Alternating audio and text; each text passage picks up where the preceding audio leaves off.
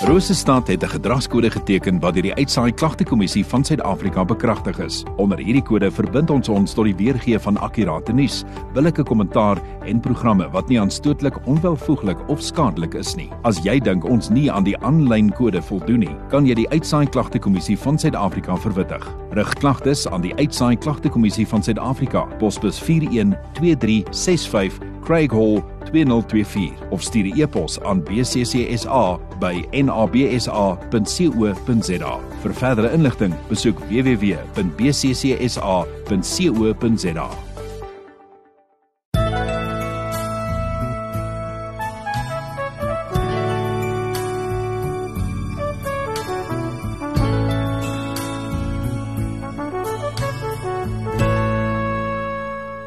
Goeiemôre luisteraar. Ek groet u ook in die naam van die Vader, die Seun en die Heilige Gees. Mag daar vir u genade, barmhartigheid en vrede in oorvloed wees. Amen. Kom ons gee ook nou geleentheid vir die speel van 'n lied.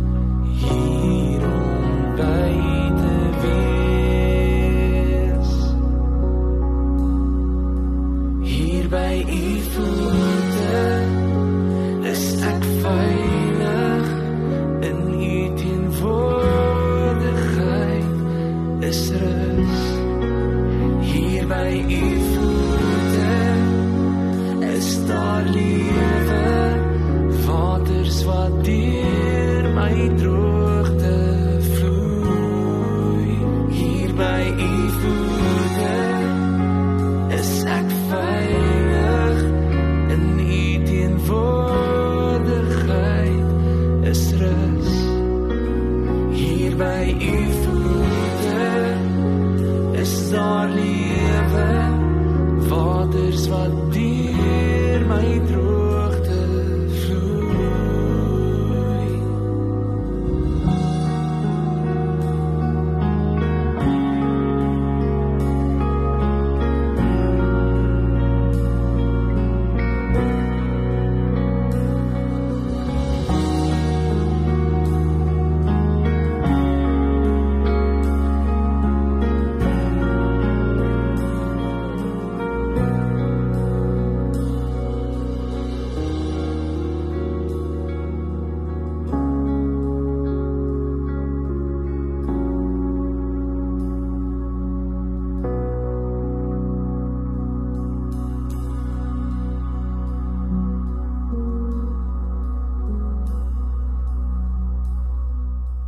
Ons teksgedeelte van môre is Lukas 13 verse 1 tot 5.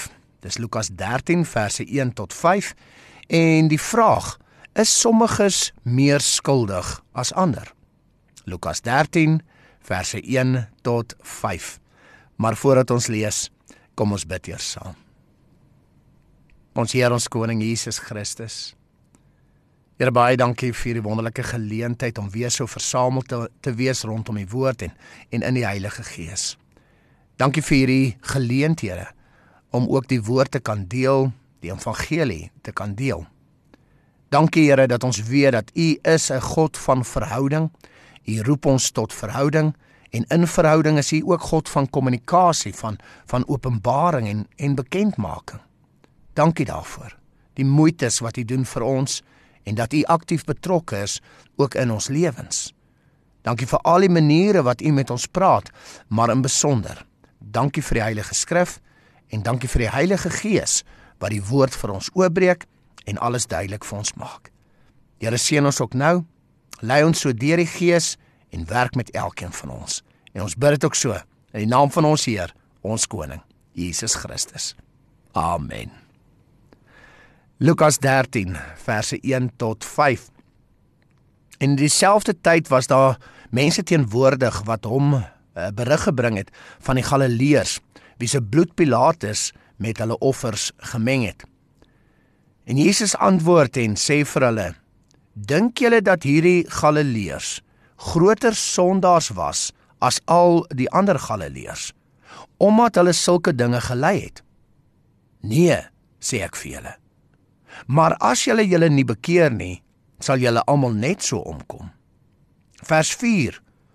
Of daardie 18 op wie die toring van Siloam geval en hulle gedood het, dink julle dat hulle meer skuldig was as al die mense wat in Jerusalem woon? Nee, sê ek vir julle. Maar as julle julle nie bekeer nie, sal julle almal net so omkom. Tot sover. Geliefde in die Here, ja hierdie teksgedeelte begin natuurlik met eh, Pilatus se gruwel wat hy dan ook hierso hierso gepleeg het met die met die uh, bloed van die Galileërs wat hy ook in hulle offers ingemeng het. Nou uh die gedagte begin en idee begin dat uh dat hy gestraf moet word. On, ons dink baie keer dat hierdie is mos nou groot gruwel. Uh, Pilatus, jy moet gestraf word. Nê? Nee? Dat hy 'n erg slegte sondaar is wat erg slegte gevolge nou moet kry, nê? Nee, die hoop dat iets sleg met hom sal gebeur. Natuurlik is so tipe van instelling gebou op 'n wettiese siening, nê? Nee? Die wettiese beginsel dat sonde het slegte gevolge. En ons weet as 'n beginsel wat waar is, sonde het slegte gevolge natuurlik, nê? Nee? Maar uh, ons sit baie keer met hierdie gedagte omdat 'n sekere sonde gepleeg is, gaan daar nou 'n sekere gevolg wees, nê? Nee? Elke wet se oortreding het een of ander slegte gevolg. En hoe groter die sonde, hoe groter gevolg is daar. Ons sit baie keer met hierdie gedagtes in in ons in ons koppe. Maar Christus antwoord hierso en hy gebruik twee pragtige voorbeelde as antwoorde. Die eerste voorbeeld is rondom die Galileërs in in vers 2. Waar hy dan die vraag vra: Was hulle dan ook slegter sondaars, erger sondaars omdat so slegte gruwel met hulle oorgekom het? Met ander woorde, het die slegte met hulle gebeur omdat hulle groot sondaars was. Het hulle so gelei as gevolg van hulle groot sonde. En dan hierby gebruik Christus die tweede voorbeeld, die, die toring van Siloam, nê, nee, uit die Ou Testament natuurlik in vers 4 ook hier. En hy en, en Christus vra wie was was hulle meer skuldig as ander omdat die toring op hulle geval het? Het die toring met ander woorde op hulle spesifiek geval omdat hulle groter skuld het as ander? Nou Christus beantwoord hierdie vraag En hy sê duidelik nee. Nee op dit.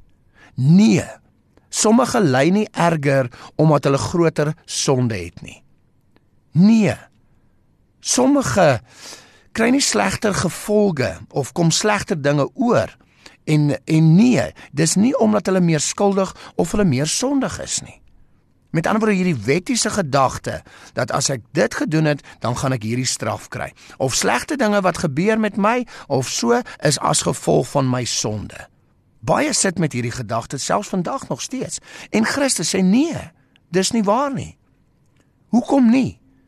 Want sommiges is nie meer skuldig as ander nie. Sommiges is nie groter sondaars as ander nie. Almal is ewe skuldig en almal is sondaars. Daar is nie klein en groot sondaars nie. Daar is nie klein en groot sonde nie.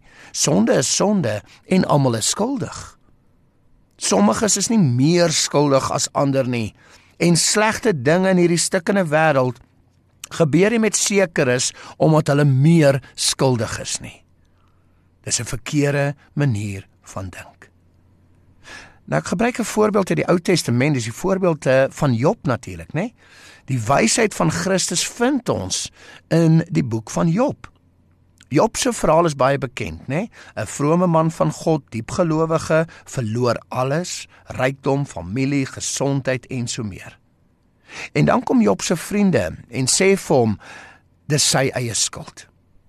Dat hierdie slegte dinge gebeur met hom omdat 'n groot sonde op hom is, omdat hy 'n groot sondaar is, omdat hy groot sonde gedoen het. Daarom gebeur al hierdie slegte dinge met hom. Dat God hom straf as gevolg van sy sonde. Maar ons weet, die vriende se raad was verkeerd. Dit was onwaar, net soos Christus bevestig hier. Ons weet dit uit die begin van die verhaal dat Job juis 'n Godvreesende man was wat deur die vyande, die aanklaer, beproef is deur al die slegte gebeure. Natuurlik binne God se beperking. Maar God self antwoord later in Job 42 en sê reguit dat die vriende verkeerd is en nie reg praat nie. Eintlik sondig die vriende eerder en volgens hulle eie wysheid verdien hulle groot en slegte gevolge. Maar God doen die teendeel weer eens. Hy sê hulle is sondig, maar hy gee vir hulle genade, uitkoms en vergifnis. Hulle moet hulle offers bring en Job moet vir hulle bid.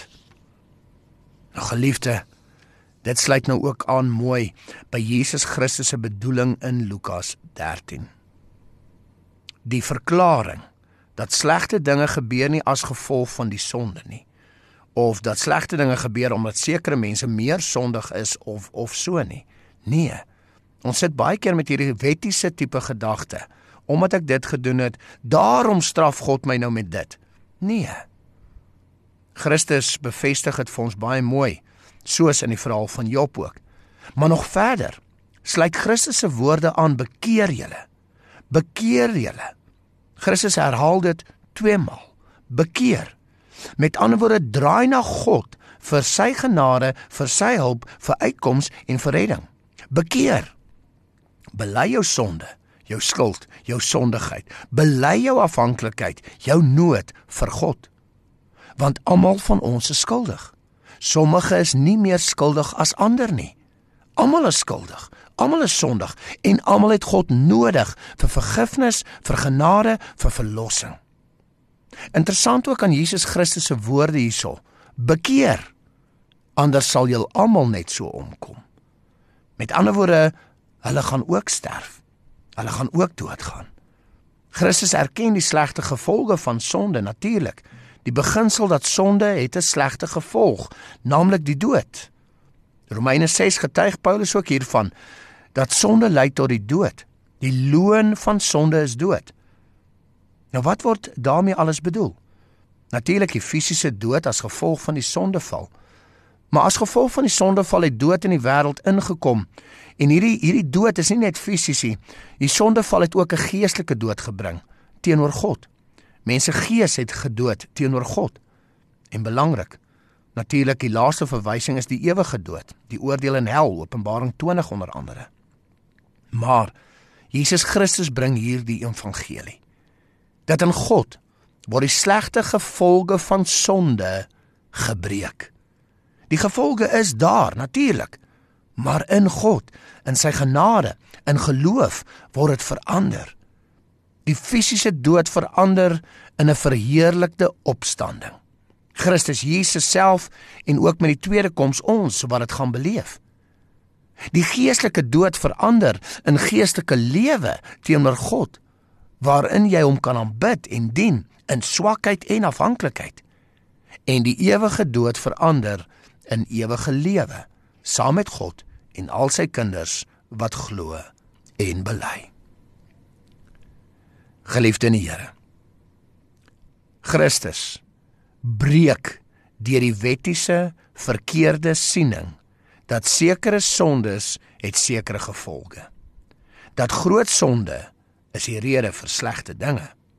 Omdat jy groot skuld het of meer sondig is, gaan slegte dinge met jou gebeur, byvoorbeeld 'n toring wat op jou val of bloedvergieting. Christus breek deur die verkeerde gedagte dat slegte dinge is as gevolg van ons sondes. Dat slegte ding, dinge wel gebeur, soos die skrif getuig, is waar, maar ons weet dis as gevolg van die sondeval die sondige natuur van mens, die stikkende wêreld en die bose se aanslag. En Christus bevestig vir ons sonder om wetties te wees dat ons moet erken dat Christus die groot beginsel agter alles is. Ja, Christus bevestig sonde het gevolge. Natuurlik, ons weet dit, skrif is duidelik daaroor. Die grootste gevolg is die dood, natuurlik ook. Maar ons moet verstaan, sommige is nie meer skuldig as ander nie. Almal is skuldig. Almal verdien die dood in al sy forme. Maar in genade reik God uit na ons. Uit liefde, sonder ons verdienste, bied hy hulp aan. Redding, vergifnis, verlossing, oorwinning en uitkoms. Christus nooi ons uit om te draai na God. Om te draai na hom, om daagliks ons skuld en afhanklikheid te bely om God se genade te aanvaar en te erken dat ons sy genade so nodig het. Hom nodig het en hom wil dank en eer vir al sy hulp en sy liefde. Geliefdes, sommiges is nie meer skuldig as ander nie. Almal het die genade van God nodig. Almal. Amen. Kom ons bid saam. Ons Here, ons koning Jesus Christus. Here baie dankie vir hierdie teksgedeelte. Dankie vir die lering wat U ook vir ons gee. Ja Here, ons is baie keer skuldig aan die gedagte dat slegte dinge gebeur met sekere mense as gevolg van hulle sondes. Ons dink baie keer dat slegte dinge gebeur want sekere mense is meer skuldig aan sonde as ander mense.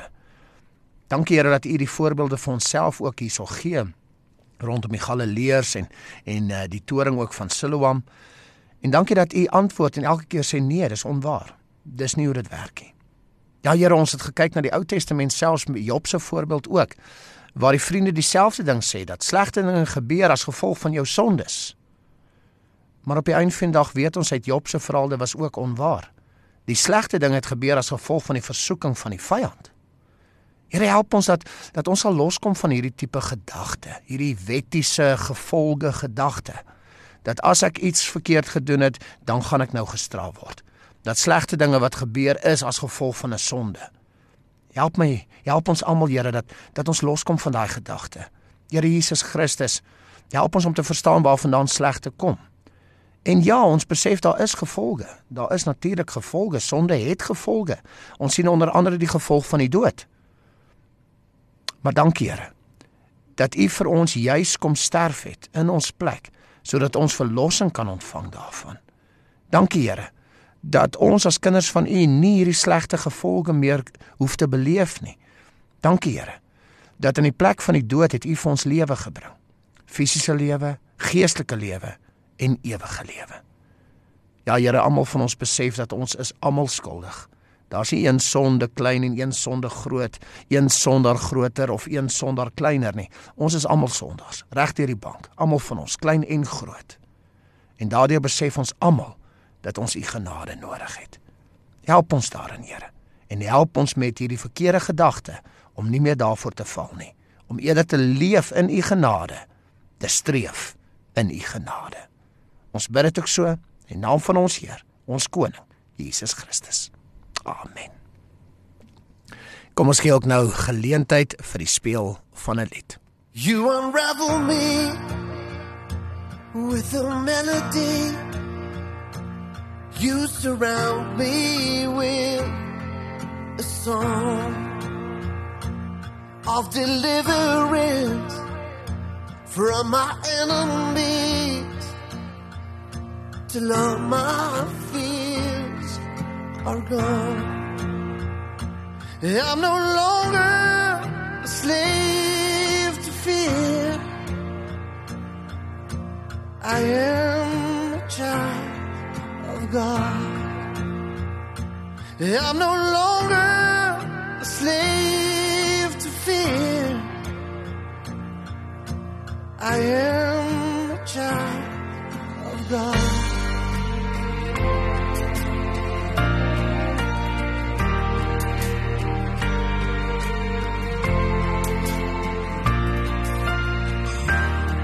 my mother's womb, you have chosen me. Love has called my name. I've been born again into your family. Your blood flows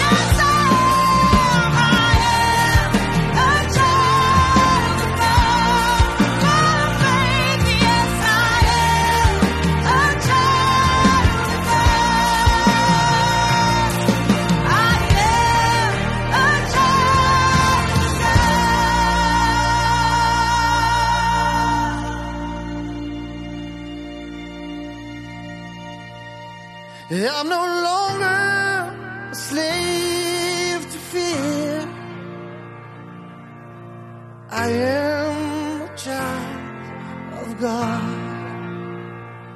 I'm no longer a slave to fear.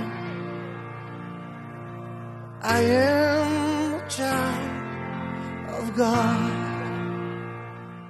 Geliefde in die Here, ontvang die seën van die Here. Ek spreek dit graag uit uit Filippense 4 vers 7. Mag die vrede van God wat alle verstand te bowe gaan oor julle harte en gedagtes die wag hou in Jesus Christus, ons Here. Amen.